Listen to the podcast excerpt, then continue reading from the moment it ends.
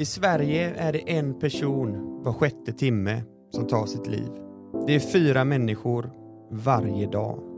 Av dessa är över 70 procent män. Det här är någonting som vi vill belysa. Det här är mänskliga tragedier som går att förhindra genom att vi vågar prata om detta tabubelagda ämne. Det är därför vi hörs här idag i en podcast som kan rädda liv. Varmt välkommen till Aldrig ensam-podden med mig, Charlie Eriksson. Och med mig, Erik Berg.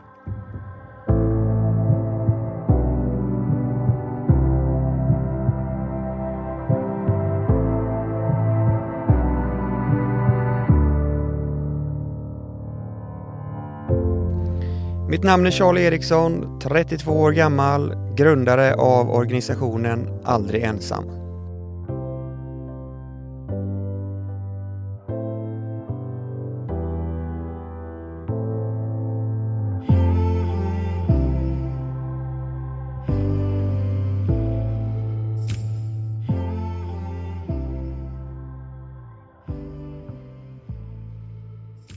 Stort tack till Mekonomen som gör det möjligt för oss att få fler att prata om psykisk ohälsa via den här podden.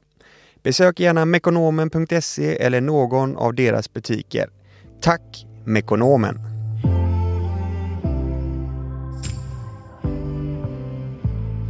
Idag sitter vi här med en gäst. Ja, det är spännande gäst tycker jag.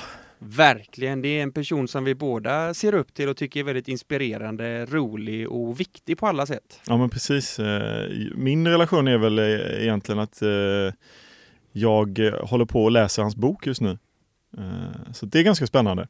Och för att göra en ledtråd vem gästen är, vad heter boken? Upp och ner en överlevnadshandbok om bipolär sjukdom.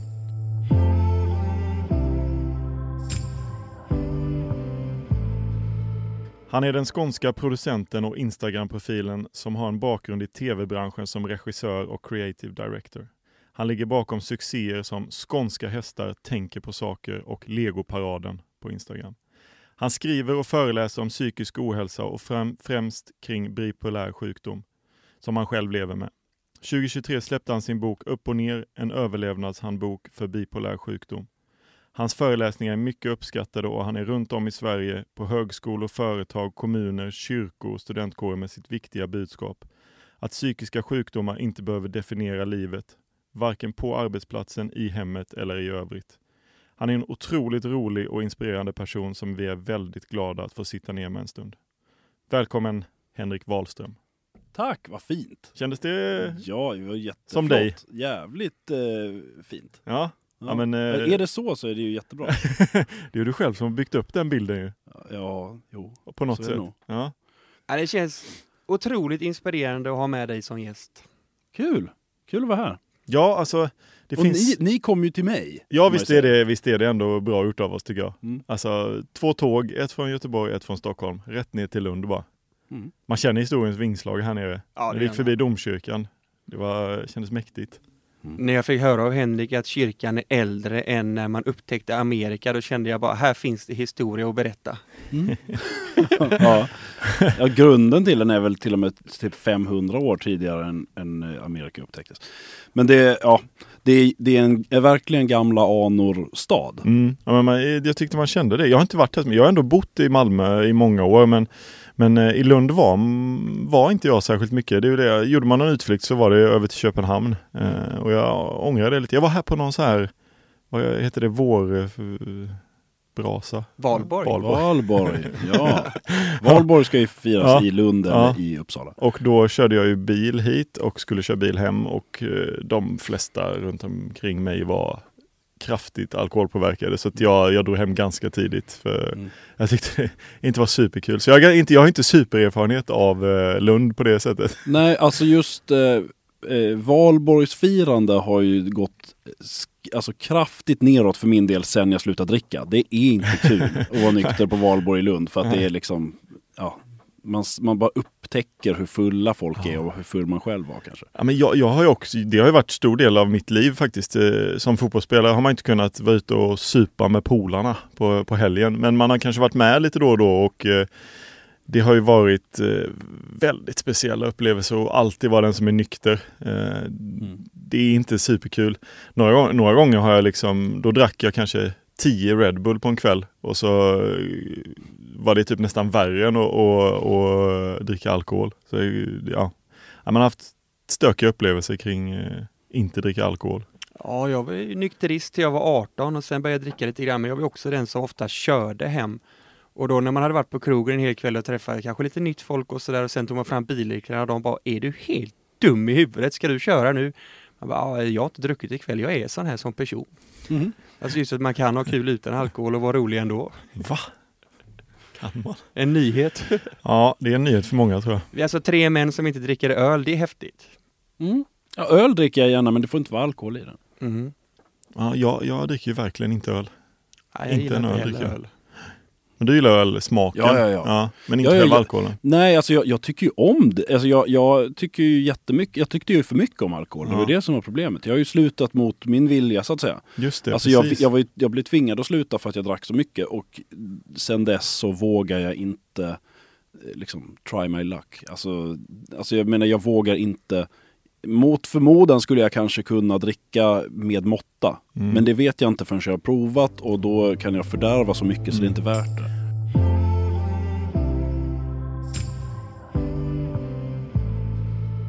Trivs du med dig själv? Eh, jag trivs med, bättre med mig själv idag än vad jag har gjort någonsin. Kan man säga. För jag har ju trivits skitdåligt i mitt eget sällskap tidigare. Och idag så, tycker jag, så känner jag inte det.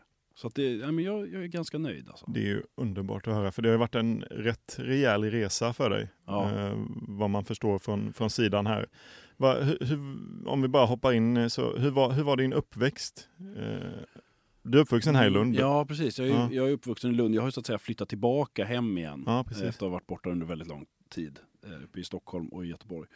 Ehm, nej men min, alltså min uppväxt var bra. Alltså jag växte upp med jättemycket kärlek och trygghet. Ehm, och det, det var det som också gjorde att jag inte fick någon ordning på det när jag började må sämre i, i, alltså i tonåren så började det grävas jättemycket i min barndom. Vad är det som har triggat det här? Och vi hittade liksom inte tillräckliga skäl tyckte jag för att jag skulle må som jag gjorde. Och det, det förklarades ju sen av att det här är ju liksom en genetisk sjukdom som jag har och som inte, eh, som inte är orsakad av ett trauma i barndomen. Nej, Utan jag, jag hade en, ja, men mycket kärlek och mycket eh, trygghet och vuxna som lyssnade på mig och sådär. Men det blev i alla fall att, att jag mådde sämre och sämre. Och det, nu i vuxen ålder så kan jag ju se att den här sjukdomen som jag har visade sig redan när jag var liten. Liksom. Ja, men för, för när började du förstå att det var någonting? Ehm, jag vet inte om jag förstod det, men, jag, jag när jag ser tillbaka så ser jag ju att, att jag var liksom tydligt deprimerad när jag var sådär en tioårsåldern och sen igen vid 12-13 någonting. Ehm, och jag förstod inte då, men jag har fått veta sen genom också att min mamma skrev dagbok under alla, alla år. Ehm, och hon visade mig några utdrag ur den. Ehm, från just då när jag var sådär 12. Där, Mm. där hon skrev om att jag hade haft så mycket ångest och liksom skrek och var rädd och hade liksom panik och, och liksom grät mig till sömns. Och att hon skrev att, att jag förstår liksom nu att Henriks problem har en annan botten än vad jag hade trott. Och så där. så att det, det visade sig redan då. Men det var först sen på ja, men i gymnasieåldern som det började riktigt eh, bli mycket värre. Och jag började försöka få hjälp för det och började liksom, med antidepressiv medicin och eh, terapi och så där, för att försöka få, få något grepp om det. Var det du själv som sökte den hjälpen eller hur? Jag, jag var inte den som, jag tror att det var min mamma som så att säga styrde upp det. Mm. Så att jag fick träffa någon. Ja, det var det. det var inte, jag var inte i skick liksom att göra det. Ehm, men eh, den här diagnosen som det slutligen blev, det var ju först många år efter gymnasiet. Det var ju när jag var i 24-årsåldern och sånt där. Eh, som jag fick rätt diagnos. Eh, och då, det blev ju den verkligt stora eh, vändpunkten. När det kunde börja bli bättre av att jag hade så mycket, jag kunde börja få rätt medicinering och jag kunde börja leva efter rutiner som är mycket, mycket striktare än vad jag hade haft och kunde liksom börja hitta sätt att hålla balansen i det här. Mm. Ehm, men till den där historien hörde då att när jag fick den här diagnosen så var min inställning att ingen fick veta det. Alltså bara mina allra närmaste fick veta det. I övrigt skulle jag hålla tyst om det här. För att det fanns så mycket, så mycket skam och så mycket stigma och så mycket fördomar kring det här. Eh, också för att det har den här, det är en psykisk sjukdom. Det är inte liksom jag menar, det ingår i paraplybegreppet psykisk ohälsa, men det är en psykisk sjukdom och det, det är en tröskel som är som fortfarande finns och är väldigt tydlig. När vi, jag menar, vi pratar bättre idag än vad vi någonsin har gjort om psykisk ohälsa, om stress, om NPF, om utbrändhet, om terapi, om depression. Men så fort det blir psykisk sjukdom så finns det fortfarande ett motstånd. Alltså att berätta att man är bipolär eller schizofren eller schizoaffektivt syndrom eller borderline eller vad det är. Så, så tar det emot för många. För där finns det fortfarande så mycket skam. Um, I det som historiskt sett har, liksom, hur psykiskt sjuka har behandlats. Mm. Eller det är väl fel sätt att säga. Hur, hur, hur illa man har behandlats. Um, så att jag höll tyst och fortsatte hålla tyst i 12 år. Tills jag till slut eh, bestämde mig för att nu jävlar. Så nu får det bära eller brista. Typ. Och då mm. berättade jag för alla samtidigt. Och alla samtidigt var ju alltså ja men, chefen och kollegorna och släktingar och allihopa. Men samtidigt som ja men, 50 000 följare på Instagram eller något sånt där. Oh. Eh, på en enda förmiddag. Och när var detta? Första januari 2021. Jag, vad fick du för respons då? Eh, jag visste inte vad jag skulle få för respons. Att jag, jag hade skrivit inlägget under lång tid, sparat det, visste att första januari då börjar vi det här året med det här och så får du bära eller brista, får vi se vad det, jag vet inte hur det ska landa. Eh, och var livrädd Eh, för vad jag skulle få för res respons. Eh, men jag la upp det och la undan telefonen och gick ut och bara sa jag får inte gå tillbaka, liksom. jag får, för annars kommer jag radera det. Eh, och det var också anledningen att jag satte ett datum, för jag visste att annars kommer jag bara banga ur och, och skippa det eller skjuta upp det och så blir det inte av. Um, för det var inte för att det var kul utan för att jag kände att det här är liksom rätt, jag borde verkligen göra detta. Um, men den respons jag fick var nästan uteslutande positiv. Alltså den var, jag fick jättemycket kärlek och respekt för det här. Um, och den, det lilla negativa jag fått, det, har, det är väl i så fall ifall att det märker jag inte riktigt. För det är ifall att det finns bekanta som inte har hört av sig för att de tycker att det är för obekvämt. Och det har jag i så fall inte märkt, för de har ju inte hört av sig. Um, så att det, nej, de allra flesta, de som spelade någon roll, de tog det bra. Um, och det sporrade mig att bara, okej, okay, uh, för det första, vad fan har jag hållit tyst för i 12 år? Vad mycket lättare det där decenniet hade kunnat bli om jag hade kunnat säga, berätta hur det är. Men också, hur, vad, vad gör jag nu? Jag kan inte stanna nu det här, det, här måste, det här steget måste bli lättare att ta för sådana som kommer efter mig. Mm. Eh, och att folk inte väntar så länge. Nej, vad, vad, kan jag göra för att underlätta den komma ut-processen? Liksom? Mm. Och det är det jag håller på med nu. Det är det jag jobbat stenhårt med just liksom, i, i, idag. Inte just när jag sitter här kanske, jo men på sätt och vis. Jo men på sätt och vis är det det absolut och det är det vi beundrar dig för och det är ditt driv och din eh, i, i den här frågan. Och jag känner verkligen igen mig i det du berättar, det här med att inte berätta för någon på grund av skam och skuld. Det var ju exakt de känslorna som gjorde att jag inte heller vågade berätta för någon och verkligen den här rädslan för vad ska folk tycka och tänka, fördomarna, att folk har inte så bra kunskap om psykisk ohälsa, så vad kommer de tänka om mig och tycka om mig? Och precis som dig, så när jag väl valde att vara offentlig med det så fick jag bara kärlek tillbaka. Och det är precis det som vi två är ett exempel på att vågar man bara säga till människor och våga prata om psykisk ohälsa så är det oftast en stor liksom bara kärleksvåg som kommer tillbaka. Mm. Och det är väldigt fint. Det är jättefint och jag, jag försöker verkligen peppa människor som jag träffar och som lyssnar på mig och sådär att, att våga berätta åtminstone för sina närmaste. De som är nära och som kan ge ett stöd. Men jag vill alltid tillägga att det måste vara deras eget val. Det är ingen som tvingas att berätta om det här. Det kan vara din hemlighet mellan dig och din läkare om du vill det. Eh, alltså jag vill inte pusha någon som inte vill berätta. För det är jätteprivat. Du får ha det för dig själv om du vill.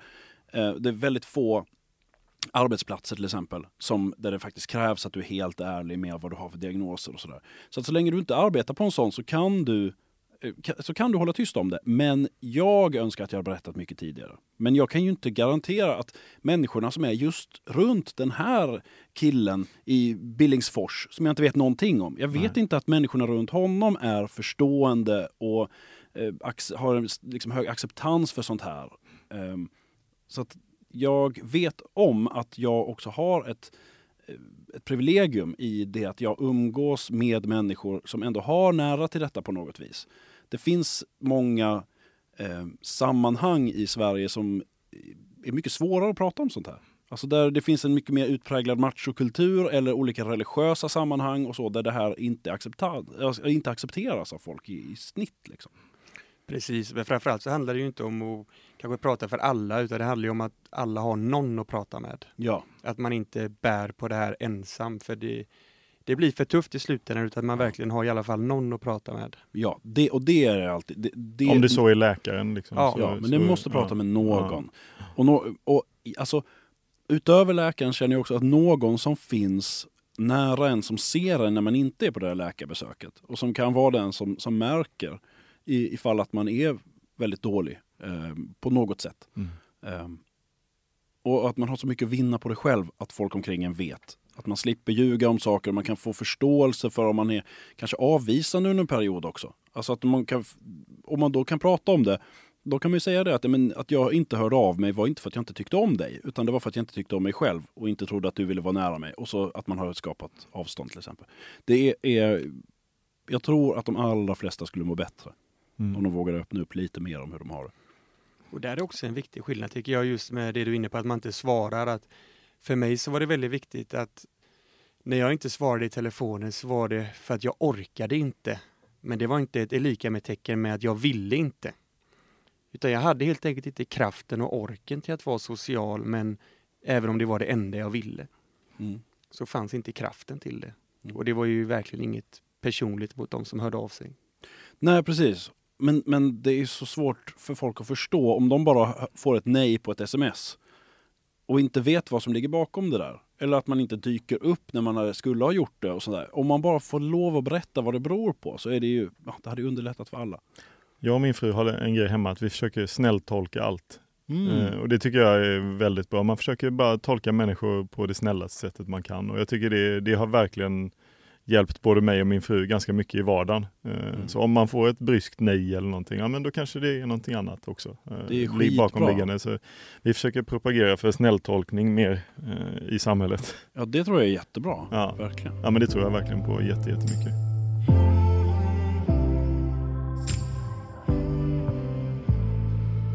Men en, en spännande sak är, vad, vad möter du för fördomar kring din sjukdom? För det måste vara ganska mycket fördomar. Ja, eh, alltså bipolär sjukdom är ju en, en sjukdom där man, man har symptomfria perioder där det inte märks på en överhuvudtaget. Men att man till och från trillar ner i depressioner eller åker upp i det som kallas för manier eller hypomanier. Ehm, som alltså, det är två olika sidor av den här sjukdomen som är otroligt olika. Depression vet ju vad de flesta vad det är. Medan en, en hypomani eller mani det är så att säga motsatsen till en depression. Där självkänslan är förhöjd och energin är där högre och man är optimistisk på ett sätt som man aldrig är tidigare. och sådär. Ehm, så att de, de är verkligen två motpoler. Och mo, de för, för, fördomar som jag ser, eh, dels så handlar det om, om att folk inte är insatta i vad det är för någonting. Så att de tror till exempel att det här växlar från minut till minut. Eh, alltså att det händer bara pang, pang, pang så är det liksom på olika det här sättet. Och så är det inte för de allra, allra flesta. Ehm, utan de flesta har långa perioder. Eh, alltså jag menar månader i taget. Men för min del så växlar det snabbare än så. Men det i alla fall handlar om dagar i varje läge, inte minuter. Och för att det är många som fått bilden av någon slags Dr Jekyll och Mr Hyde också, att man har två särskilda personligheter som så att säga inte känner varandra och att det är en personlighetsklyvning vi pratar om. Eh, och andra som helt enkelt bara fått för sig att man kan inte lita på någon som har den här sjukdomen. Därför är det alltid sjukdomen som talar och sådär. Men den absolut vanligaste skulle jag säga är att folk tror att sjukdomen är att man är i ett av de här sjukdomsskoven hela tiden. Och de pendlar till varandra. Och så är det sällan. Det, alltså ett, en, en, till exempel en, en mani kan leda direkt ner i en depression, eller tvärtom. Men för de allra flesta så spenderas den största, de, alltså den större, större delen av livet tillbringas i mitten där det inte märks på en. Alltså precis som en diabetiker som liksom inte har ett anfall. Eh, men ibland så händer det och då är det jätteviktigt att man tar det på allvar och att människor runt omkring känner till den här sjukdomen. och Så eh, Så det är mest det jag hör. Vad, vad känner du är här, jobbigast respektive härligast med din sjukdom? Um, ja, men det jobbigaste är ju, alltså he hela sjukdomen är ju, de allra, allra, allra flesta skulle vilja ta bort den om det gick. Ja. Uh, det är ju en, uh, alltså men finns det inte Dels... någonting i den som är du? Som, jo, alltså... jo det, det, där är jättesvårt. Jag kan inte dra en skarp gräns mellan min personlighet och var Nej. sjukdomen börjar. Eh, och det, det, där är någonting som jag ofta kan se först i efterhand. Om jag till exempel trappar uppåt, jag går uppåt i energinivå, jag behöver sova allt mindre samtidigt som jag känner mig mer och mer pigg och optimistisk då tenderar jag att liksom zona in på ett intresse, liksom ett nytt specialintresse eller ett projekt som jag liksom ger mig själv 150% in på. Eh, och, efter, och efterhand så blir det där liksom starkare och starkare och det är ofta först efteråt som jag märker att där någonstans gick gränsen. När det gick från att det är bara Henrik med ett brinnande intresse och att det är hypomani. Och ofta så märker jag det på att men här går jag över gränsen till vad som är rimligt. Att hur mycket tid och pengar till exempel det är värt att lägga på ett projekt. Som sen när jag är utanför kanske bara, jag förstår inte ens varför jag var intresserad. Jag fattar inte var, varför blev jag så fascinerad av det här. Ja. Och det har varit jättemånga olika sorters. Kan du ge ett exempel på något sånt? Det har varit roligt att höra. Ja men alltså det finns så mycket. Alltså, och det, det fin ofta så handlar det om kreativitet. Alltså jag får en slags kreativ boost. Um, och sen inget Eh, ingen, kan det vara så här krukmakeri? Eller Gud, kan ja, det vara... är skitmycket sånt där. Ja. Alltså, det, det, det, är något, någonting, alltså poängen är att det finns inget um, det finns liksom inget stopp. Alltså som ett tillfälle så fick jag syn på en, en gosedjursapa mm. som, eh, som satt uppe på en hylla.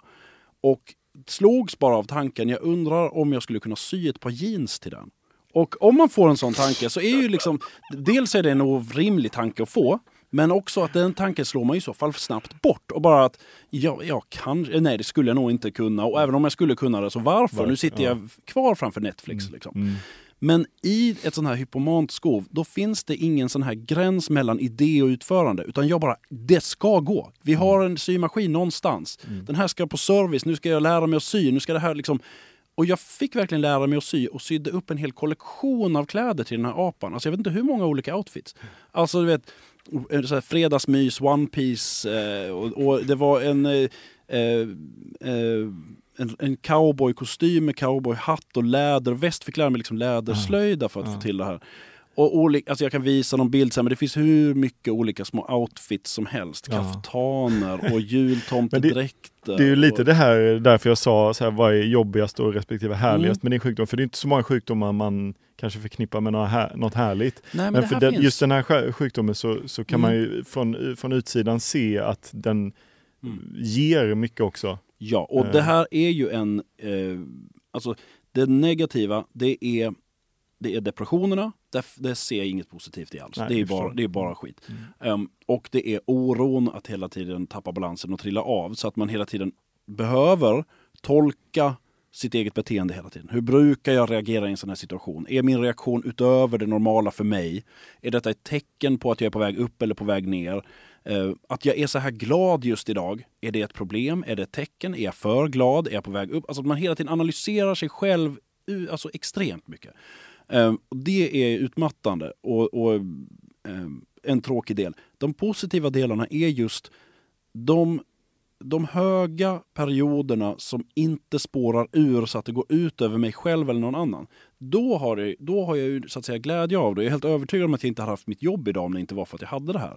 Mm. Um, och det var ju lite så, alltså när jag berättade om min diagnos och jag var jätteorolig för vad min chef skulle säga. Hans, hans kommentar var ju att men det är klart jag fattar att du har någon diagnos. Liksom. Men jag visste bara inte vad den hette. Liksom. Men din hjärna fungerar ju på ett väldigt speciellt sätt och det är det därför jag är anställd. Ja, liksom. ja, det spelar inte så stor roll för din chef vad det var för en diagnos. Nej, men att det var också var tydligt att så här brukar det inte vara. Eh, och, men, men, att så den delen, när jag kan ha det här drivet och eh, ingenting är omöjligt-känslan inför ett projekt och projektet blir av och det blir fullföljt och jag sen kan landa tryggt. Då är det kanon. Men mm. det där är jättesvårt. Ja, men för vad händer om du mitt i ett projekt eh, vänder då? Liksom? Ja men antingen så kan det vara att energin tar slut. Alltså Ja. att jag har gått, jag har gått i, liksom in i, i, krockat med taket på något vis. Mm. Och då kan man liksom krascha ner i en depression där jag bara inte kan jobba och jag är helt slut.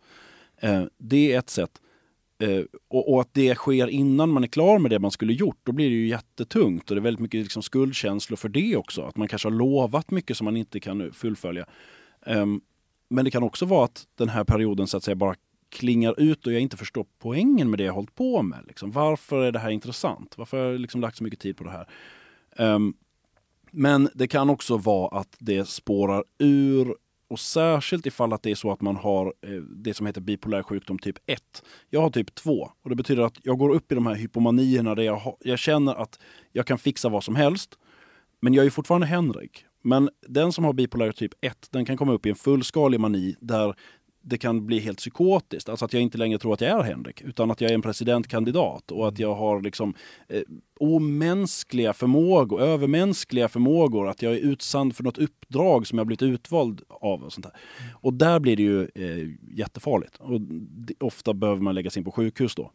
Um, och det har inte jag upplevt alltså. Eh, men det är annars en potentiell slutstation också av att hålla på och sy kläder åt en apa. Att det till slut blir att nästa steg därefter hade ju blivit, om jag bara hade fortsatt uppåt, hade det blivit att jag kan bli miljonär på detta. Om jag säljer de här kläderna till andra som har gosedjur och så bara sätter igång och jag ska anlita andra skräddare i andra länder som kan göra det här åt mig. Och dit skulle jag ju kunna hamna, där skulle jag kunna hamna på riktigt. Du gjorde ju inte det, utan det, det liksom, jag höll ändå det, jag visste om att jag är ganska uppvarvad nu, men det skadar ingen. Det här jag sitter och syr i, i, köket på kvällen, men det skadar ingen så länge jag liksom lyckas lägga mig i rätt tid och sådär ändå. Så, så, så är det inga problem. Apan blir glad, typ, that's it. Men det är ju ingen nytta för någon, det är inte skada för någon. Ehm, men om det hade liksom fortsatt upp därifrån ännu högre, då hade man ju då hamnat i någonting att jag har redan blivit miljonär på det här. Alltså börja f- vanföreställningar. Att det här är, det är ett otroligt sug från Ja, det. varenda klädmärke vill ge ut de här apkläderna nu. Mm. Eh, så att jag kan investera nu. Jag kan låna miljoner för jag får snart tillbaka dem. Ehm, och där tappar man ju liksom då, där blir det ju plötsligt inte skoj längre. Nej. Men det här har ju varit, alltså det var ju en, ett sånt intresse, det har varit väldigt, väldigt ofta är det samlande av något slag. Alltså jag kom på så att, ja men, gamla eh, vinylskivor med katastrofalt fula skivomslag. Alltså Ja. tänk så här, kristet dansband från Ja. 77. Liksom. Det är det roligaste som finns. Hur Och många backar har du? alltså jag hade, de var inte i backar utan i ett slags hyllsystem. Men jag, jag kunde inte räkna dem, men när jag skulle flytta förra gången då vägde jag dem. Eh, för att det skulle funka för flyttgubbarna typ. Och då, då vägdes skivsamlingen 850 kilo. Närmare ett ton. eh, Nästan ett ton fula skivor i bokstavsordning och liksom, det blev en blogg med 500 inlägg och en bok också. Mm. Liksom. Och det där är, det var kul på riktigt. Boken Mm. liksom, och det här blev någonting som folk uppskattade. Och fine, det är Ja. bra så. Men sen klingar det där ut och så blir jag, jag kan ge bort nästan allt för att det är bara över. Mm. Har du Ja. någon favoриtlåt från de skivorna? Jag har knappt lyssnat på dem. Det är det, det jag Det är har bara dem bara för omslagens skull. Eh, Men ja, det finns en otroligt konstig skiva som heter Partymusik med fnodd. Eh, och, och, och den är otroligt, Fjodd tror jag den heter. Eh, den är otroligt konstig, han bara sitter och spelar någon slags orgel. Svensk eller? Ja, det är otroligt liten upplaga.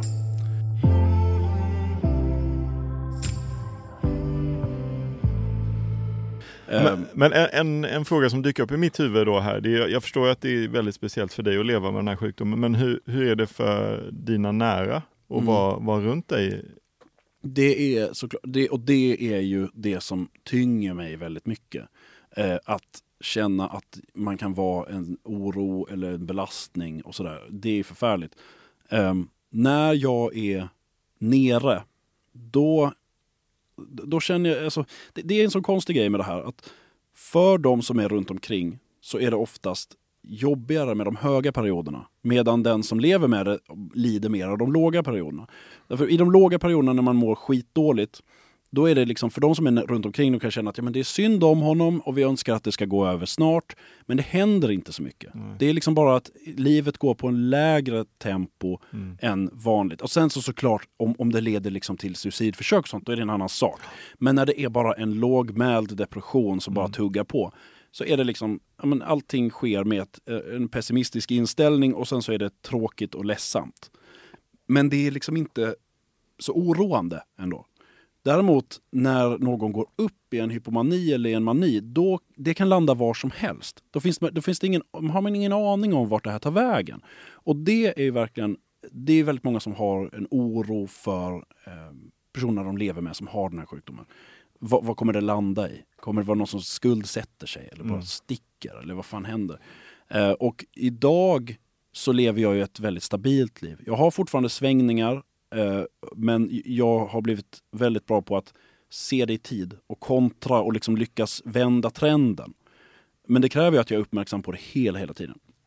Men när jag var yngre då hade jag inte den kontrollen. Då bara åkte jag med. Liksom. Om jag var på väg uppåt så var det bara, ah, fett. Liksom. Jag, nu, jag, jag mår jättebra och kör in i kaklet. Och då var det ju jättesvårt. Det var ju jätte... Fy fan. Det, det är ju det som får mig att må sämst. Att tänka på de perioder då jag var liksom egoistisk och eh, mallig. Och alltså mm. alla möjliga liksom, ord som jag inte känner att jag vill liksom förknippas med. Mm. Det där är inte min bild av en sympatisk person. Och jag var sån i perioder. Och det är förfärligt att tänka på. Mm. För du, du pratade innan om alkoholen och det, att du hade någon period ja. där du drack mycket. Använder du alkoholen för att liksom försöka dämpa sjukdomen på något ja, vänster? Ja, visst. He och, och hela tiden. Ja. För att, Funkade det? Nej, nej, nej. Alltså det funkar ju inte, eh, det funkar ytterst tillfälligt om man till exempel har hög ångest och dricker sig skitfull mm. så blir liksom, jag somnar från det ungefär. Eh, och då kan man ju tycka att det hjälpte just då, men det är ju inte så. Därför att men sen vaknar man ju och har ännu mer ångest och är bakis också. Um, men vi har ju fått lära oss av vårt samhälle hur alkohol fungerar. Så om mm. vi ska tro på bilden av alkohol som, liksom, som, som vi har fått lära oss så är den lösningen i liksom all, det är alltid attraktivt att dricka. Alltså att när vi är här och vi är glada, här skulle vi kunna ta en öl. Liksom, och, och, det är bara så här, men det gör man liksom med grabbarna och det är trevligt. Mm. Och sen så är vi ännu gladare, ja men då ska det skålas liksom. Och champagne och sådär. Och sen så har vi en fin middag, då ska det vara vin. Eh, och sen så är man lite nere, ja men då ska man ju dricka för att bli glad. Då tar man till flaskan, blir full och glad och då super vi för det. Och sen så kommer man upp i varv och liksom är så jävla speedad, ja men då dricker man ju för att lugna ner sig. Alltså lite rödvin så blir man lite mosig, det är en sängfösare, det heter ju så. Mm. Liksom. Och sen så vaknar man och är bakis, ja men då tar man en återställare, då dricker vi igen. Och sen så håller vi på sådär, ja men nu börjar jag bli orolig för mitt drickande. Ja men stärk dig med en sup så blir du modig igen. Mm. Och så håller man på, upp och ner, upp och ner och får en bild av, eller intalar sig att alkoholen är en väg ut ur den situation jag är just nu. Mm. Eh, och i alla fall, även om jag inte vet vart den tar mig, så förändrar den i alla fall mitt mående på något sätt. Och det är värt det då känns det som. För att jag mår skitdåligt just i detta nu. Och det kan jag förändra med alkohol. Sen så blir, blir det bara att jag landar i något värre hela mm. tiden. Men det blev ju till slut att jag, jag blev tvungen att sluta dricka. Eh, och hamna på en, en missbruksenhet där jag fick hjälp med det och det var i det sammanhanget som eh, sjukdomen upptäcktes. Och hur gammal var du då? 24 tror jag. 24. Mm. Och då, för då var, det, då var det läkare där som såg att ja, men det verkar som att du har försökt dricka bort en bipolär sjukdom. Uh, och då fick jag göra en, en, utredning och var väldigt skeptisk och ville absolut inte ha den här diagnosen. Jag vill liksom, eftersom det här är något kroniskt, det är något jag ska ha resten av livet och mediciner varje dag resten av livet. Alltså när man är 24 så tar det väldigt mycket emot. Och inte minst för att det krävs, förutom medicinering, för att hålla balansen så krävs det väldigt mycket rutiner, fasta rutiner när det gäller mat och sömn och träning och allting. Och det var jag, jag levde precis motsatsen. Alltså jag bara, jag bara hängde med, jag gjorde vad som helst, vad som kändes bäst just nu och så bara hakade jag på det. Liksom. Och får vi se var man landar någonstans. Um, och också den här frihetskänslan när man är 24 och flyttat hemifrån och sådär, man vill sådär prova allt och så nu, nej nej, du ska vara hemma och ta det lugnt och gå och lägga dig efter På spåret. Liksom. Hade du någon bild av bipolär sjukdom innan du själv fick diagnosen? Eh, nej, alltså jag hade, och det tycker jag är en, en, eh, en knäpp grej som jag nu lite jobbar för, att, att det här att jag fick veta att det fanns något som hette det först liksom flera år efter gymnasiet och då hade jag ju levt med det jättelänge. Och inte överhuvudtaget lyft, alltså det har aldrig lyfts någonstans. Eh, att jag kunde se vad, vad det här är och att jag kunde gjort, liksom, dragit paralleller till mig själv. Det hade ju kunnat hjälpa jättemycket. Utan det var en, ja, men det var en vän som sa till mig några år efter gymnasiet som sa, ja men är du inte mano då? Så här, mano, vad är det? Ja, men manodepressiv, det är ju när man har sådär upp och ner som du gör. Och så, och då, då, eh, då satte det väl någonting och jag såg någon film som handlade om det och sådär. Så jag visste lite vad det var. Men eh, kopplade inte att det skulle vara något jag själv hade. Men, jag, men det var inte någonting som snackats om. Det var inte så att jag hade, visste precis vad det var och eh, av någon slags fördomsskäl inte ville ha det. Utan jag ville bara per definition inte ha ett problem. Jag ville liksom bara få vara klar med det här och komma därifrån från den här missbruksenheten. Och så var det det här då som skulle bli ett mycket, mycket längre projekt än de där veckorna som det skulle handla om. Alltså sluta dricka. Ja, jag hade nog aldrig ens hört om bipolär sjukdom tror jag innan jag började jobba med psykisk ohälsa då. Mm. Och det är ju knäppt. För att det finns ju, jag menar det är en, till 3 procent av befolkningen ungefär som har det. Och med tanke på att var och en av oss då liksom 100-300 tusen personer i Sverige, alla vi har ju liksom som ett paraply av människor runt omkring oss som är berörda av den här sjukdomen och som behöver förhålla sig till den på något sätt. Eh, och det märks nu också på min bok att den säljer så bra. Att det är så många som har det här någonstans i sitt liksom, släktnät. Mm. Uh, och det har ju funnits så jämt. Alltså det här är ju, ingen, det är ju inte ett nytt påfund. Uh, utan den här sjukdomen har ju funnits verkligen jämt. Alltså de, de äldsta nedskrivna e- exemplen på maniska och deprimerade eller då melankoliska personer, det är, tror jag 400 år före Kristus eller något sånt. Ja. Alltså det har funnits alltid. Ja. Um, och man har forskat på det och försökt hitta vad är det som har gjort det här. Och fortfarande vet ingen exakt vad det beror på. Det, det, hänger med i vissa gener och det är väldigt ärftligt. Mm. Um, Är det någonting du liksom tänker mycket på kring dina barn? Gud ja. Mm. Eh, det är ju såklart, det är ju en, en väldigt mörk del av eh, sjukdomen. Det här med skräcken för att det ska dyka upp och fortsätta spridas i ens familj och släkt. Um, men jag, efter att ha tänkt på det en, enormt mycket, så har jag liksom landat i att jag försöker se det som att jag, jag kan inte förändra mina egna gener, jag kan inte ändra på någonting i det. Och jag kan heller inte försöka Alltså den här sjukdomen kan triggas igång av traumatiska händelser till exempel. Att det finns folk som till exempel förlorar en anhörig eller med om en olycka eller ett övergrepp eller något och då sätts sjukdomen igång som man har haft eh, anlag för. Man ärver liksom bara en sårbarhet för att utveckla sjukdomen. Och då finns det en del som försöker så att säga skydda sina barn mot allt för att det här inte ska hända. Och jag, jag, ser, jag kan inte det. Det går inte och det finns heller inte någon... Det finns ingenting som säger att, att eh, även om jag skulle lyckas skydda dem så kan det dyka upp i alla fall. Men vad jag kan göra är att se till att om det skulle visa sig eh, fram, i framtiden så sker det i ett ovanligt bra sammanhang. I ett sammanhang där det är människor som vet exakt vad det här är och som har de glasögonen på sig för att upptäcka de tidigaste tecknen. Som vet att det finns hopp och att det finns eh, bra vård att, som kan förändra livet jättemycket till det bättre. Eh, och liksom försöka se det på det hållet. För mycket mer kan jag ju inte göra. Nej. Jag förstår att det, det har snurrat i ditt huvud. Det är Gud, ja. konstigt. Och, och, och det, det finns ju också uppåt i alla dessa släkter. Men vi vet ju, det är ofta så att, jag menar, vi, vi pratar ju om det nu på ett bra sätt. Vi sitter här och snackar om det på ett ledigt vis. Men bara vår föräldrageneration, där är det mer hysch-hysch än vad det är hos oss. Även om det är sådär att, ja, men vad bra att du står för det här, så finns det, är du säker på att berätta om det här? Ska du verkligen eh, akta dig för att få en stämpel? Du vill inte bli liksom ett fall eller associerad med din sjukdom och så vidare. Men att de säger så, det beror ju på att de har vuxit upp med föräldrar där det var fullständigt otänkbart att prata om det här. Det får ju inte finnas. Alltså, om jag var född i den generationen så skulle jag vara tvångssteriliserad idag. Och de i sin tur har vuxit upp i, i, i en, liksom en generation där man blir inlåst och struken ur släktträdet för att det är en sån skam att ha en dåre i släkten. Så att det får inte finnas. Men de finns ju överallt, alltså, bara att det har hetat andra saker. Alltså hon den där liksom, tanten i släkten som eh, inte kunde ta hand om sina barn, så de blev omhändertagna. Men vad var det då? Eller den här farbrorn som aldrig dyker upp för att han är periodare. Mm. Vad betyder det? Han dricker vissa månader. Ja, men varför gör han det? Han är ju deprimerad såklart. Alltså, det är väl pendlande humör som leder till missbruk. Det är liksom, varför säger vi så? Mm. Eller den där som hamnade på institution. Eller som blev omhändertagen eller så.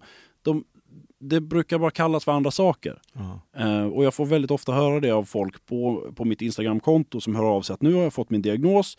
äntligen efter en lång utredning och kom hem och berättade om den. Och först då så pratas det om det. Och det visar sig att det finns ju hela släkten.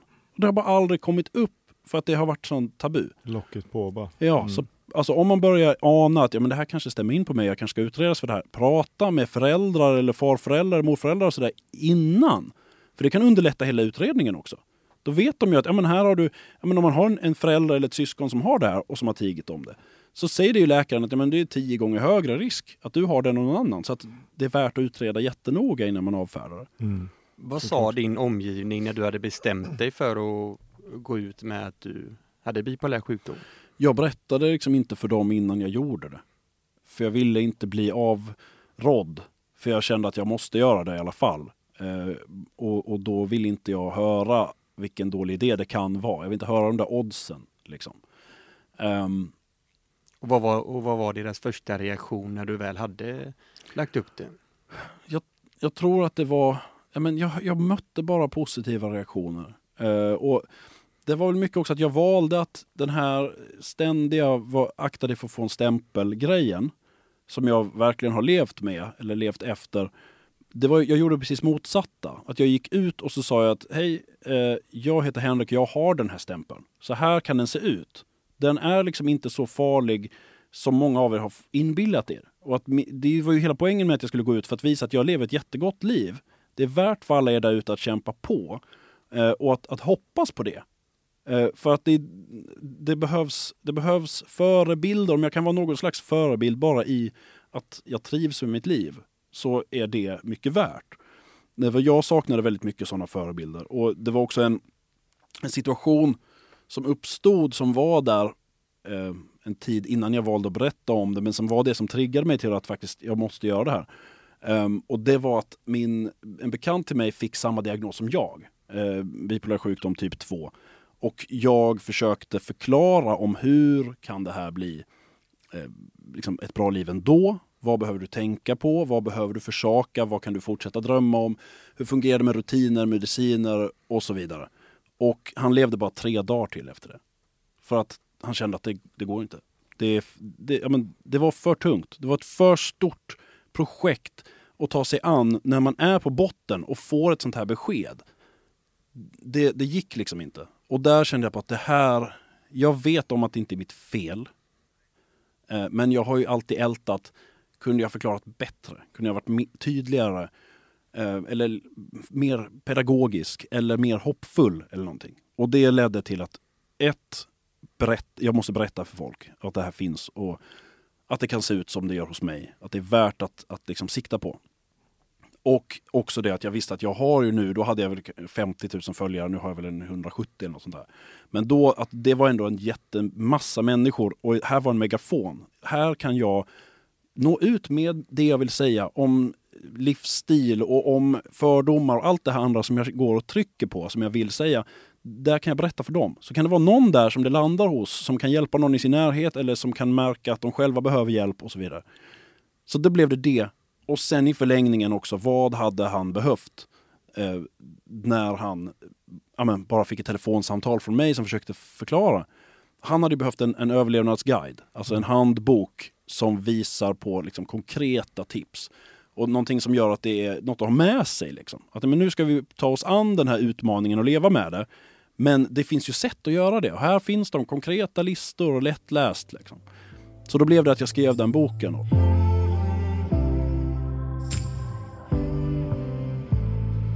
Har du haft tankar någon gång på att avsluta ditt liv på grund av situationen eller diagnosen? Inte med tydliga planer. Tanken att det här livet inte är värt att leva, den har ju liksom dykt upp. Men, men inte i att jag faktiskt har planerat det. Eh, jag har haft liksom problem med självskador och sådär, men inte att, inga suicidförsök. Eh, och det är jag jätteglad för såklart. Men, men det är ju väldigt vanligt förekommande hos personer med bipolär sjukdom. Det är jättehöga självmordstal.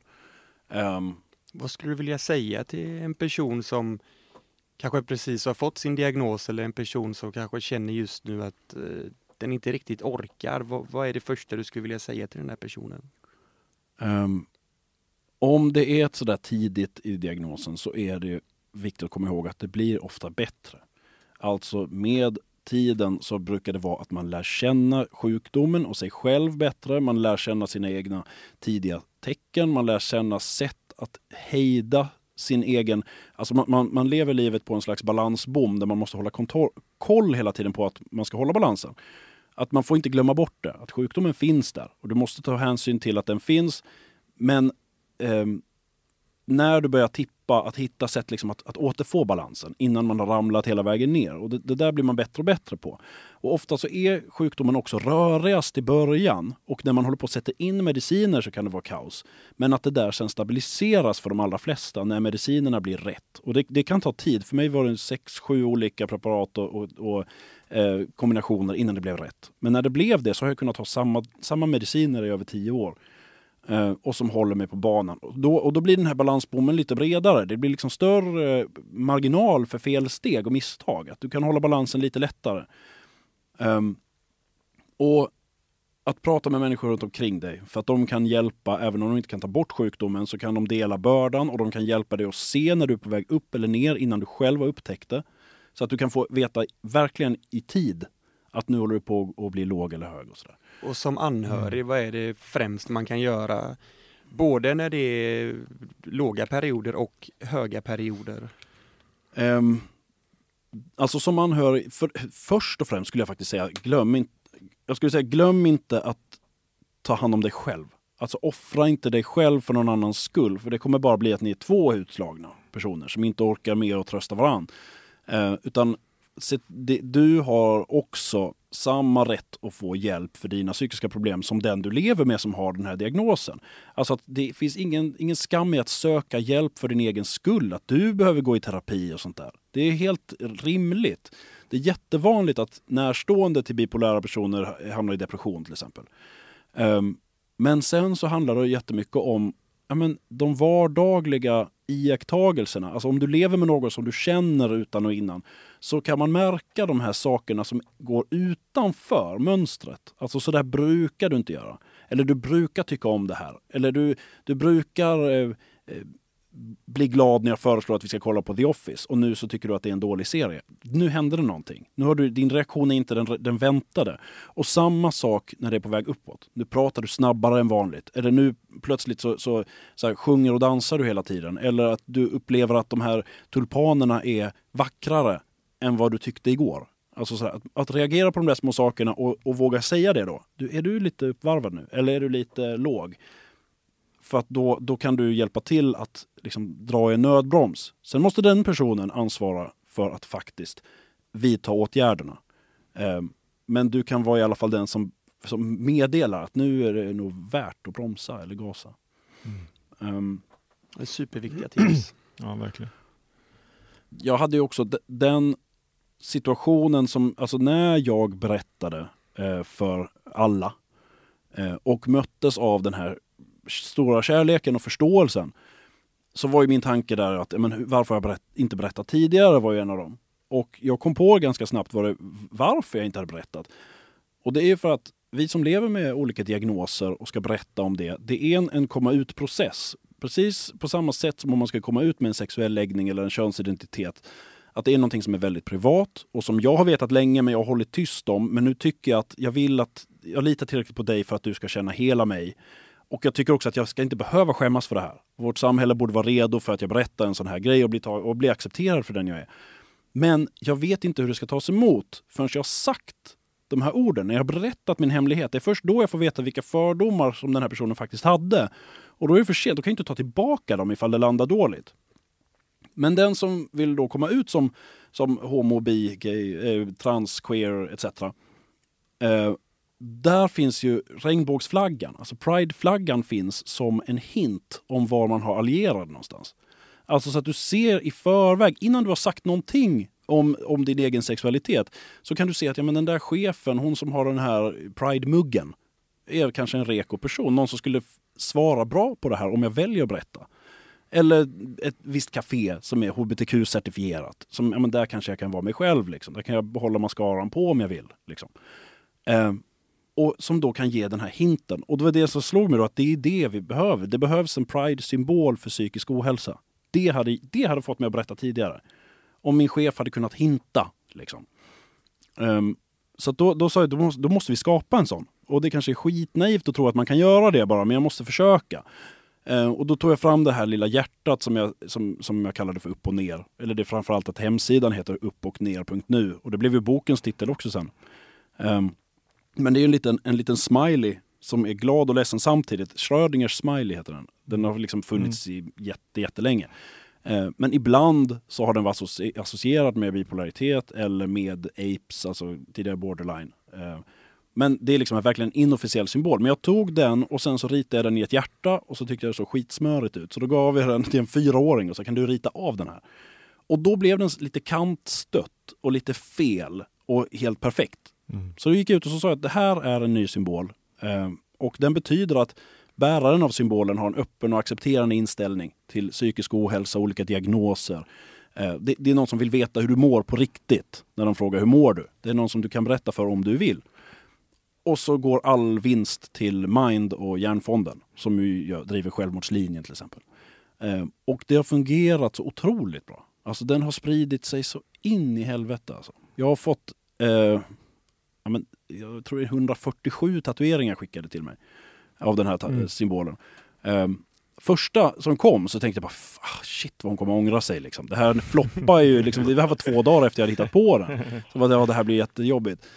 Men sen har de bara trillat in en efter en efter en efter och det är liksom 75-åriga tanter som skaffar sin första tatuering. Liksom. Bara att det här är det första jag liksom kan stå bakom. Jag har levt med det här och ja. Men det, men det var också poängen med det också att den här symbolen ska inte kräva någon, någon slags vad ska man säga, egen erfarenhet. Det finns inget krav på att man själv ska ha en diagnos, utan det handlar bara om att man visar ett ställningstagande. Mm.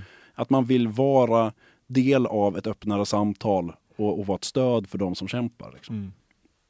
Ja, det är otroligt fint. Det är någonting verkligen att kolla in, upp och ner.nu och mm. absolut läsa din bok. Ja, de där tycker kan alla borde göra. Ja, alltså, de, de här, alltså boken är ju mycket för, ja, men för den som lever med bipolär sjukdom, men det kan ju också vara att man lever nära någon som har det. Det är också att leva med sjukdomen, fast på ett annat sätt. Och hjärtat har ju liksom funktionen egentligen på, på tre sätt. Att dels så öppnar den upp samtal på olika ställen. För att någon frågar vad är det där för något? Och sen då plötsligt står ni och pratar om psykisk ohälsa på en arbetsplats där det inte har pratats om. Eh, eller så kan det vara en trygghet för någon som går och tiger och det har jag fått höra så många gånger, folk som hör av sig och säger att jag har sån social fobi och har haft jättesvårt att äta i matsalen med de andra eleverna till exempel. Och så mm. var det en som hade en liten upp och ner nyckelring på sin väska. Och så bara förändrade allt. Mm. Bara, ja, men, I alla fall av en person så är jag välkommen och accepterad här. Om, även om de skulle veta allt om mig så skulle de liksom, tycka att jag var okej. Okay. Mm. Det är skithäftigt. Är det. Ja, det är ett otroligt fint initiativ. Det uppmanar vi alla att gå in och både läsa och bidra och bära. Ja. Precis, framförallt bära ja. Det, är, ja. det är verkligen eh, ett sätt att hjälpa till. Eh, mm. Jag tror verkligen på det, eh, att det kan förändra ett samhälle om man har någon symbol att mm. enas kring. Det är så enkelt. Mm.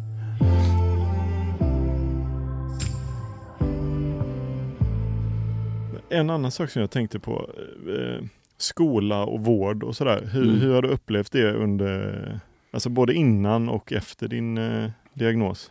Alltså skolan, där var det ju egentligen, jag hade ju ingen diagnos. Jag försökte, på något jävla vis så klarade jag mig igenom gymnasiet och sen så började jag plugga på universitetet men det liksom söp jag bort. Liksom. Alltså det kugga mm. tentor och hoppa mm. av och det, liksom, det, var, det var under den här perioden där det gick jävligt dåligt.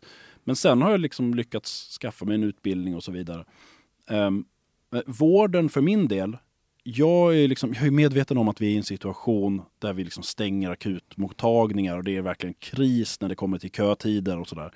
Men jag har fått eh, liksom bra vård. Jag har fått alltså, ett bra bemötande i vården nästan alltid. Vissa har varit liksom riktiga rötägg som, som har svarat på vansinniga sätt.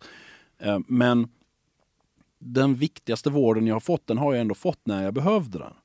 Um, och har varit, det har varit att det är jag som har sagt att nej men jag behöver nog inte fler samtal nu utan nu, nu, det här klarar jag själv och så.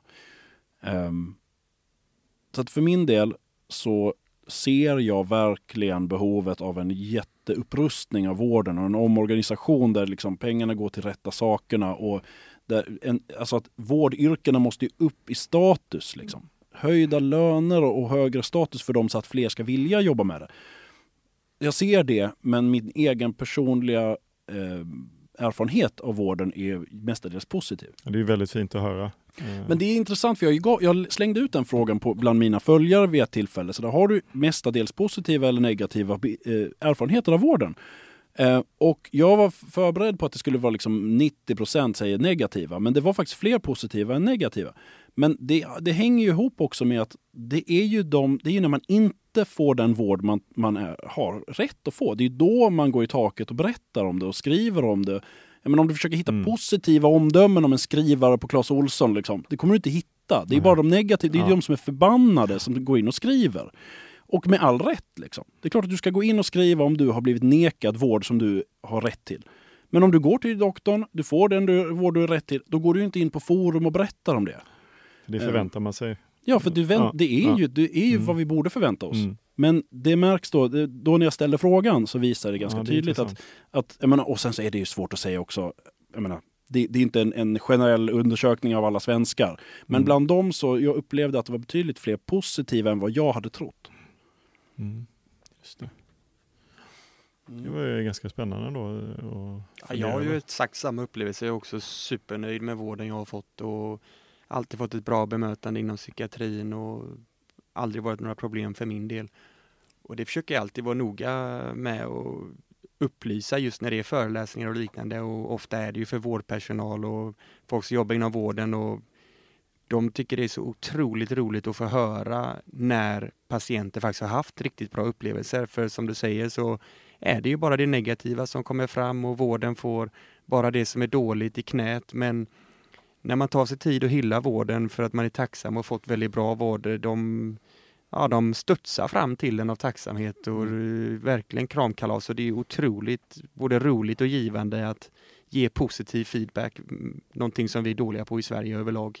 Ja, och det är ju, jag tror att det är viktigt att komma ihåg det där att de allra flesta som jobbar inom vården, de, de har ju sökt sig dit för att de tycker att det här är viktigt och de vill lägga sin tid på detta. Eh, och de brinner för det. Sen finns det såklart folk som är mindre lämpade att vara i vården som ändå jobbar där. Men i snitt så är det ju folk som faktiskt vill. Annars har de inte varit kvar fastän liksom, organisationen inte fungerar som den borde. Men däremot själva liksom, vårdapparaten, den förtjänar kritik eftersom den inte räcker till alla. Alltså, jag menar, den vård jag fick är bra och det finns bra vård i Sverige, men den räcker inte till, i, i, inte på, på eh, alltså, långa vägar. Eh, och den kritiken är ju berättigad, men den handlar inte om den sjuksyrran, utan den handlar om de som har anställt dem. Livets stora frågor.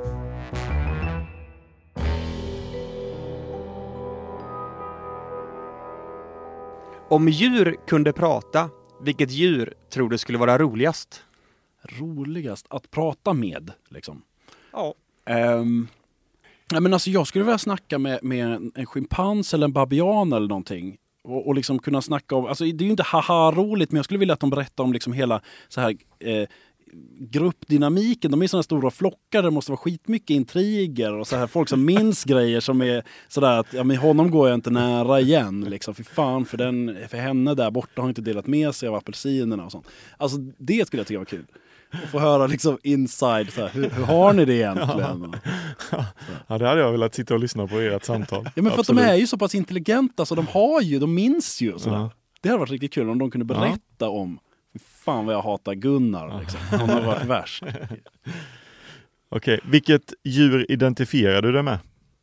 Eh, en, en humla. Alltså en sån där, den här klassikern att man inte att man kanske inte borde kunna flyga men man försöker i alla fall. Och så går det mot alla odds. Otroligt fint.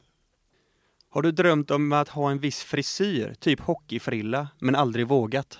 Nej jag har ju vågat liksom. Ja, jag tänkte Jag nästan att det skulle vara svaret. har- Vad är den eh, Ja, men jag har konstigaste haft frisyren både, du har haft? ja, men jag har haft tillbaka? både, ja, men jag har haft både hockeyfrilla men jag har haft, alltså den konstigaste frisyren av alla, då hade jag rakat hela huvudet utom en out, alltså en, en, en, en kant, alltså en kontur runt hela hårfästet. Alltså längs pannan Aha. och ner till.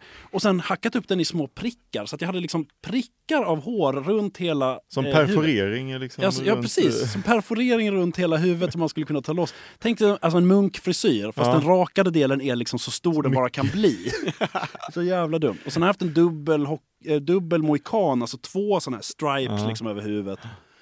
Eh, vad har jag mer haft? Ja, men- Kände du alltid precis efter du hade klippt dig, där satt den? Nej, nej alltså det där var det- verkligen, det här är det dummaste jag kan. Det är det Ja. dummaste sättet jag kan klippa mig på. Nu gör vi det här.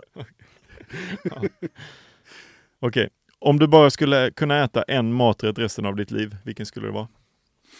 Oj. Ja, men alltså jag är sån, jag gillar liksom sådär väldigt milda smaker liksom. Jag, jag behöver inget eh, fancy. Um, Fil.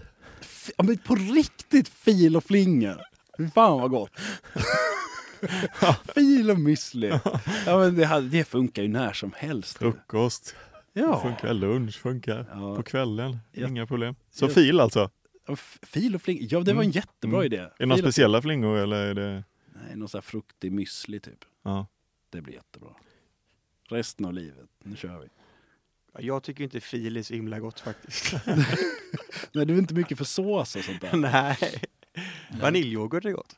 Ja, ja, det håller jag med om. Ja. Men annars, ja, men jag gillar så milda grejer. Idag ska jag käka gnocchi och halloumi. Det är liksom bara två Ja, jättemilda smaker men jättegott ihop. Mm. Det har också kunnat funka.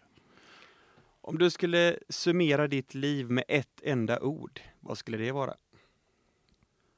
Ehm, händelserikt. Eller full fart, kanske.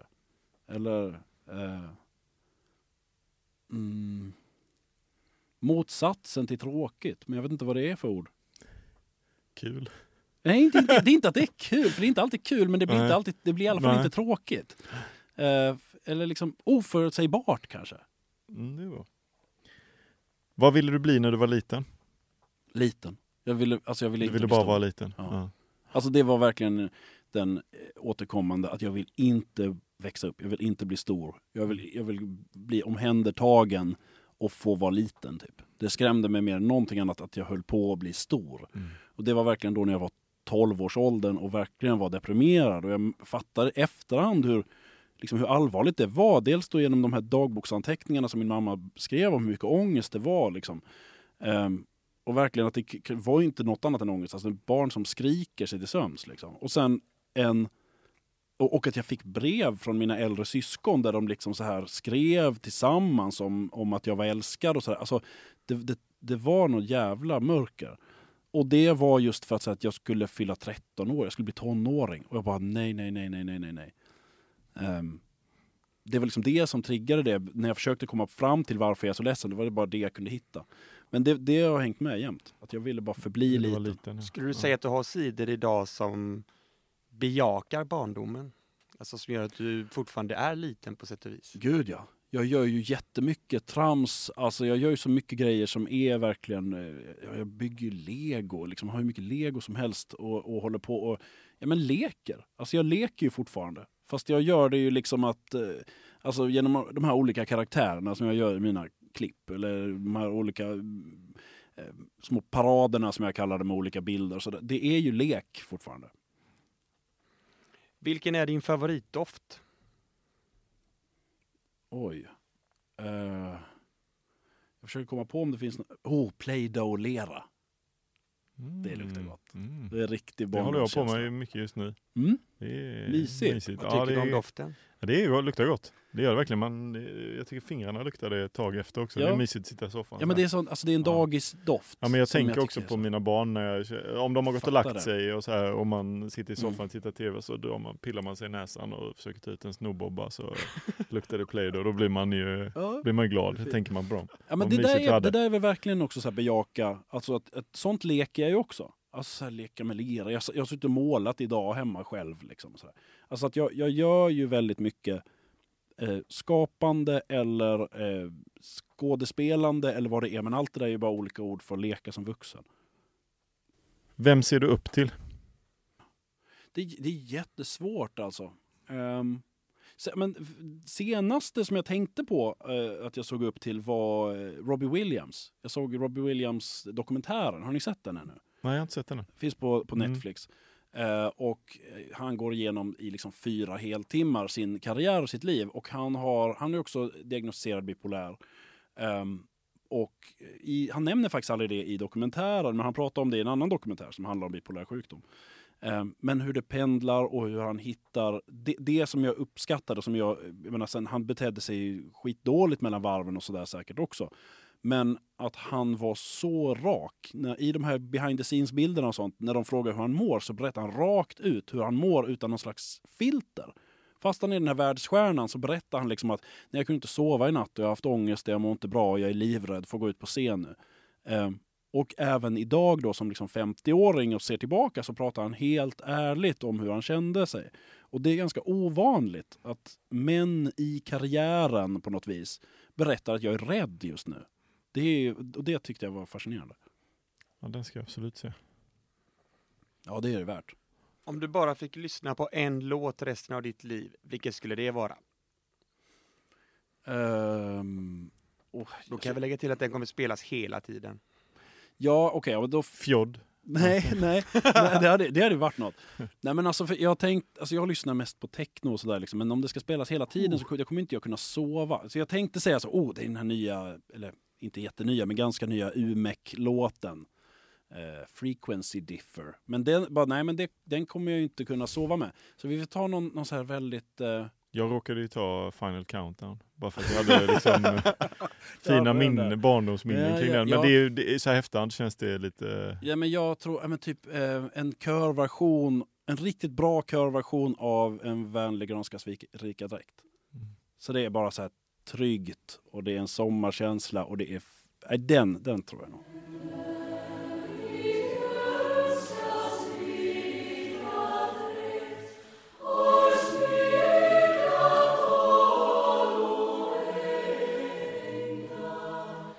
Okej, sista här nu då.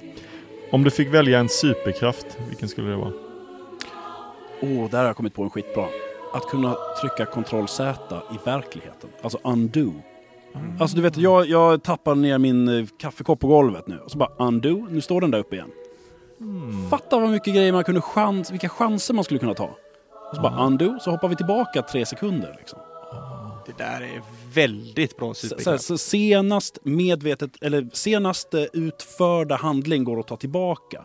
Då kan du också göra grejer du drömmer om men kanske inte riktigt får göra och så bara prova och sen undo. Det sket sig, ja precis. Mm. Senaste som riktig undo jag hade velat göra, fan vad jag ångrade det, det var att jag flög luftballong i somras. Jag hade fått det i procent, sån här upplevelseprocent. Och det är ju liksom, det sägs ju liksom att ja men det kan alla göra, det är för alla åldrar och så vidare. Och vi flög eh, långt åkte den och det var jättevackert och liksom, det, jag såg liksom hela, det var en fantastisk sommardag, kväll eh, och, och eh, liksom hästar som sprang under och det var skithäftigt. Fram tills att den skulle landa. För att då landade den inte sådär rakt ner, lugnt och stilla som man tänker sig. Utan den landade i liksom typ 40 knyck i sidled, rakt ner i marken. Stenhård krasch ner i en åker. Så hela, hela korgen välte, 20 personer ramlar ur korgen och bara liksom smäller ner. Eh, och det var en kvinna som bröt benet bara rakt av. Eh, liksom, det här det bara hängde. Ja, det känns inte som det var meningen att den skulle Nej, landa så. tänkt- det var Nej. inte tänkt. Eh, och några som skadade händerna. Jag, jag drog ett eh, skadade ledbandet i knät, så jag har haft ont nu i liksom fem månader. Eh, och det är, åh, jag vill bara, åh, jag önskar att jag bara kunde skita i det. Det försämrar allting. Ja. Liksom jag, min träning jag höll på med, det går inte längre. Och så här. Vilken Undo. grej ändå, det, att, det har jag inte ens hört om. Det borde man nästan ha hört Ja, om. och grejen är att när jag berättar om det här så är det så många som har bara men jag med, jag också, jag hörde om den där och jag vi landade ute i havet, fick bli räddade av sjöräddningen. Ja, och vi hamnade liksom, jag, jag, vi landade i en trädgård och, och jag, skadade mina fötter. Det är liksom inte för alla. Jag kommer Det inte åka luftballong. Nej, gör det inte. Nej. Säger jag. För att det är också det att, att det här företaget bara svarade att så här, det blev en lite hårdare landning än vi är vana vid. Följ oss på Facebook för att vinna nya resor. Man fattar ing- alltså inte alls allvaret i det. det är det sjukaste jag hört ju. Bryter benet och... Jag, för, alltså jag, jag funderar bara på de här hästarna som var under där som du såg. Mm. Vad tänkte de på? De, tänk, de blev ett klipp några dagar senare. De sprang, de sprang, jag vet inte om de var rädda för luftballonger, men de liksom typ skenade över en åker. Och då la jag till att en av dem sa glassbilen, jag hörde glassbilen, här, kom igen grabbar, den är på andra sidan staketet. Ja men det är ett elstängsel. Ja just det. Så får de vända tillbaka. Temadag. Gå på styltordagen. Känn, tycker du Henrik känns som en gå på styltor-person? Han känns som en person som skulle kunna gå på styltor till vardags. Ja, men, Ja. jag menar, i, i ett eh, i mani så skulle du kanske fastna, Gud, kunna ja. fastna Gud, ja. i att gå på styltor. Du, alltså det, det är i, ehm, när jag var kanske n- 18, något sånt. Då fick jag en sån där knäpp. Jag ska eh, bli så här, gycklare.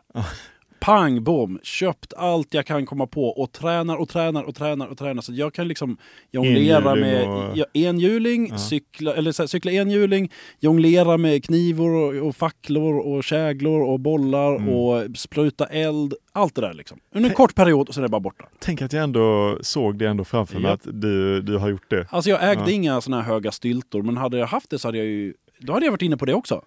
Såklart. Ja, såklart. Det hade väl varit nästa grej. Ja. Erik, vad är din relation till styltor? Styltor? Eh, pff, jag, har- jag har bara gått på de där, du vet de där som är trä och som hade längst En låg ner och en hög. och en hög och så var jag alltid på den lägsta för att jag löste fasen inte de höga. Jag, jag vet inte, det är konstigt. Jag, jag har ändå hyfsad balans men eh, det gick verkligen inte. Ett, två, tre steg sen var det bara voff ner. Eh, Men det är en häftig känsla att gå på styltor. Det känns lite som att man svävar fram. ja, men, jag- för, det här, Är det så? känns, känns det verkligen som man svävar? Alltså jag får en kick av att gå på styltor. Nej men enhjuling däremot hade jag tyckt var spännande. Alltså, det tar tid. var det svårt eller? Det är jättesvårt i Ja. början. I början fattar man inte överhuvudtaget hur det ska gå till. Nej. Men sen efter ett tag så bara klickar någonting och så funkar det. Är det som att cykla? Alltså om du, om du hade sett, om det, men för dig nu om du inte har cyklat enhjuling på länge, hade du bara kunnat sätta dig och köra? Eh, nej, jag, eller ja, jag försökte göra det här om året där det plötsligt fanns en. Och då, då Ja. kunde jag typ inte längre. Nej, Så det, det var det är verkligen... inte som att cykla. Nej, inte riktigt. Eh, och det kräver en jäkla liksom, bålstyrka, liksom, att hålla sig uppe där på ett Ja, hjul. Och, och det, ja. Men då när jag var så jävla knäpp, då cyklade jag liksom in till stan. Och så. På en elhjuling? Ja. Jonglerandes? Nej, inte sprutandes eld. samtidigt. Men, men jag, jag, jag gjorde någonting där jag jonglerade och, och, och körde enhjuling också. Men det är också sådär, det är så otroligt långt ifrån mig idag. Eller jag fattar inte, vad fan var det? Men det, var, det finns så mycket sådana där perioder Men som var det i efterhand. Stockholm du cyklade enhjuling in till stan? Nej, det var i, här i Lund. Från liksom väster in till centrum och runt lite och så tillbaka. Eh, och nu så känner jag också bara, vad fan höll jag på med? Eh, men det har varit så mycket sådana grejer som har varit i de här höga perioderna. Mm. Och som jag ofta sen har upptäckt sen. Eh, det var nu, nu när jag skulle flytta ner till, till Skåne, jag har ju flyttat hem igen så att säga. Då gick jag igenom massa lådor på vinden för att försöka slänga det som slängas kunde innan vi skulle flytta. Och hittade en låda med gamla skolarbeten. Eh, och de var egentligen ganska ointressanta. Det var såna här textböcker med glosor på franska typ. Men, men jag var helt fascinerad för att det var ett eh, av blocken där, eller egentligen flera, som där hela omslaget och alla marginaler, allting var täckt av dagboksanteckningar på ett språk som inte finns. Och som jag inser att jag kan läsa och skriva detta fortfarande. Jag har bara glömt bort det och jag fattar inte när jag har skapat det här. Men det var under en helt urspårad period i eh, tvåan på gymnasiet. Då jag eh, det skulle jag, ah, ja men du vet, bara säga jag bytte, jag skulle byta allting. Jag skulle byta klädstil, musiksmak, hårfärg, flickvän. Allting skulle liksom bara ändras. Eh, och satte upp eh, flera tusen fotografier över alla väggar i hela mitt rum och i taket enligt ett färgspektrum. Och jag har inget minne av att det har hänt. Jag har bara sett bilder på att det var gjort. Liksom. Men då i det sammanhanget så skriv, här, skapade jag även ett eget skriftspråk. Som jag nu, nu kan jag använda det ganska bra. Alltså ibland så gör det nytta. När det, Ja. jag vet att ingen ska få veta vad det är jag skriver här, då gör jag det. Tänk vad mycket du har fått Mm. från din sjukdom ändå. Ja, och, och jag har funderat på, skulle jag vilja ta bort den om jag kunde? Mm. Eh, och idag så är jag inte helt säker på det. Under, under de mörkare åren då hade jag väl liksom inget heller, jag kunde betala vad som helst för att få bort den. Ehm, idag så ser jag ju att det är väldigt mycket som inte hade blivit av om det inte var för det. Ehm, alltså även en sån sak som min bok nu som jag är så stolt över och är så glad att den finns. Um, och att jag liksom pallade med det, för det var ju inte kul att skriva den. Det var ju jättetufft många gånger. Men att den gör nytta nu, den finns där ute och det är för att jag hade behövt den för 15 år sedan. Liksom. Men även den boken, initiativet till den togs när jag var väldigt uppvarvad. Liksom. Um, och blev faktiskt varnad av en, en följare på Instagram som hörde av sig och sa att du, eh, du har sagt att man ska säga till om det är någon man vet är, är bipolär och de börjar här, agera konstigt så ska man säga det. Och jag upplever att du pratar snabbare än vanligt i din senaste videoklipp. Och så när jag kollar på det så märker jag att fan det gör jag ju. Jag snackar skitsnabbt och jag tappar tråden och jag, blicken bara flackar. Och så kollade jag då på min att göra-lista och, och insåg att jag hade, om det var 15 eller 16 parallella projekt som var liksom para, parallella jobb samtidigt. Ehm, och ett av dem var att jag hade eh, bestämt att jag ska skriva en bok, kontaktat Bonnier, bokat in ett möte imorgon. Liksom. Och då fick jag mejla till henne då, eh, Kerstin som hon hette på Bonnier, och skriva att jag måste tyvärr ställa in vårt möte för att jag skulle må bäst av att du tackar nej till det. Ehm, för att ja, men, situationen är så här, jag har liksom spårat uppåt. men vi sköt på det mötet och tog det när jag var i balans och nu finns ju boken så det blev ju bra. Mm. Men det initiativet kanske jag inte hade tagit om jag inte Ja, hade den där precis. tron på mig själv. Nej. Klart jag kan skriva en bok. Jag ska säga också att jag har skrivit den tillsammans med en över, överläkare i psykiatri som heter Katrin Skogberg Wirén. För att ha liksom dels samarbetet med henne och lärt mig väldigt mycket men också att hon backar allt jag säger och säger att det här är medicinskt korrekt. Mm. Mm. Så att vården ska våga använda boken. Mm, jag förstår. Ja, men det är otroligt bra, bra gjort och jag är en bit in i den nu. Det är väldigt intressant att sitta och läsa. Kul. Eh, Det uppmanar jag alla att göra egentligen, eh, oavsett om man lever. Det finns massvis med lärdom i den boken oavsett om man är bipolär eller inte eller anhörig eller inte Mm. utan bara om livet. Absolut. Ja, det finns ju mycket av det som jag går igenom där när det kommer till rutiner och sånt som vem som helst skulle må bra av. Det är bara att det är liksom livsviktigt för oss som har den här sjukdomen. Men att vem som helst som börjar liksom sova på fasta tider och sånt, det är klart man mår bättre av det.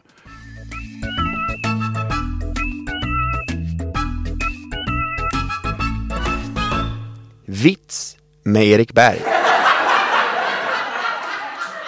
Var sover Lejonkungen? Nej. I simbassängen. Okej, jag, jag, jag log. Ja, Det var det. Jag skrattade inte men jag log. Charles skrattar men du, du log ja.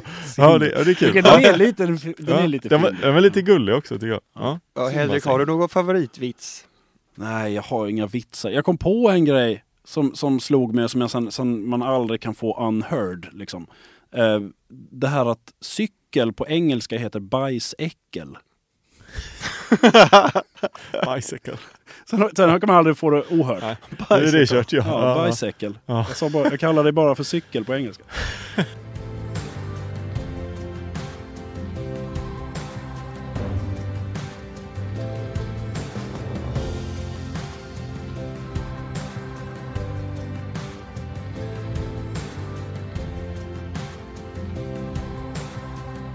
Låten i podden är den officiella låten för Aldrig Ensam, You're Not Alone med artisten Kristoffer Gresela.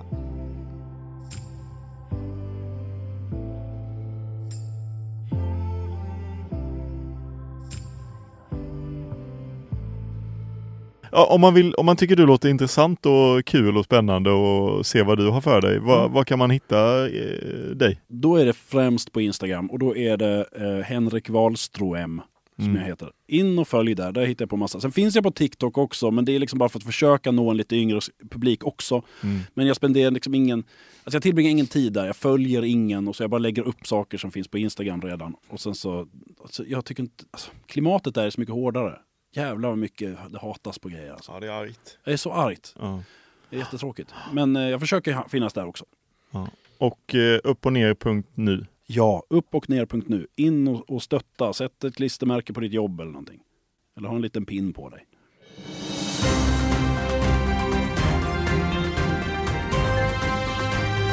Vetenskapliga sanningar. Som vanligt för att säkerställa att ni lyssnare får med er någonting eh, av största vikt från podden så, så kommer jag ge mig ut på, på nätet där de riktiga experterna finns, männen på internet. Så här säger en man. En riktig man ska kunna lyfta fem konsumkassar mat från bilen in i köket, liksom han ska kunna dricka fem kalla med polarna i bastun. Då tackar vi experterna.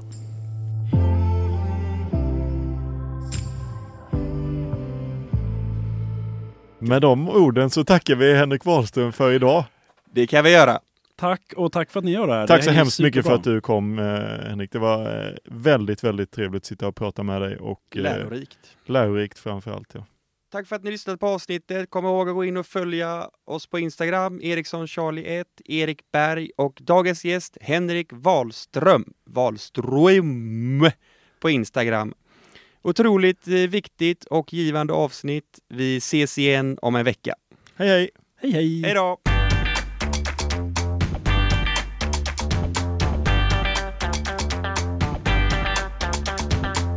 Karina Bergs visdomsord. Tänk om det är idag du ska ta och fatta några riktigt dåliga beslut. Så ser du att det inte är så farligt.